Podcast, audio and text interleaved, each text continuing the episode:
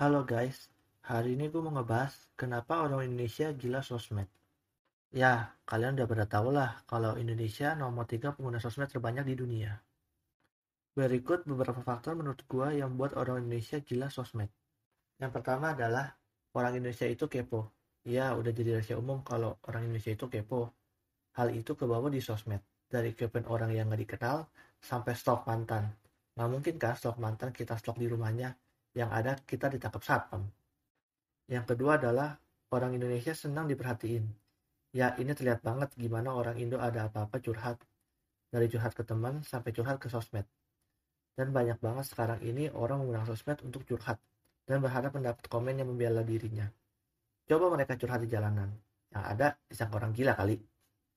Yang ketiga adalah orang Indonesia demen pamer untuk pansos. Ya ini sih udah kelihatan banget. Pasti dari kalian punya teman di sosmed yang suka pamer sesuatu untuk tujuan pansos. Dari barang sampai prestasi. Nah, yang suka pamer itu nggak bisa pamer di tempat lain selain di sosmed. Kalau mereka pamer di jalanan, yang ada bukannya pansos, tapi masuk rumah sakit jiwa. Nah, dari tiga faktor tersebut, menurut gua ada faktor dasar yang membuat itu ada. Hal itu adalah manusia itu makhluk sosial.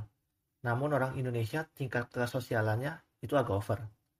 Pernah kan kalian suatu waktu lagi nunggu atau ngantri tiba-tiba ada yang ngajak ngobrol kalian, padahal kenal aja enggak.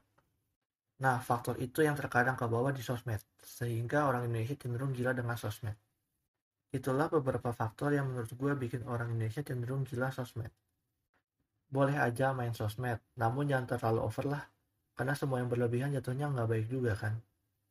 Sekian sisi santai kali ini, thanks for listening, and see you in the next episode.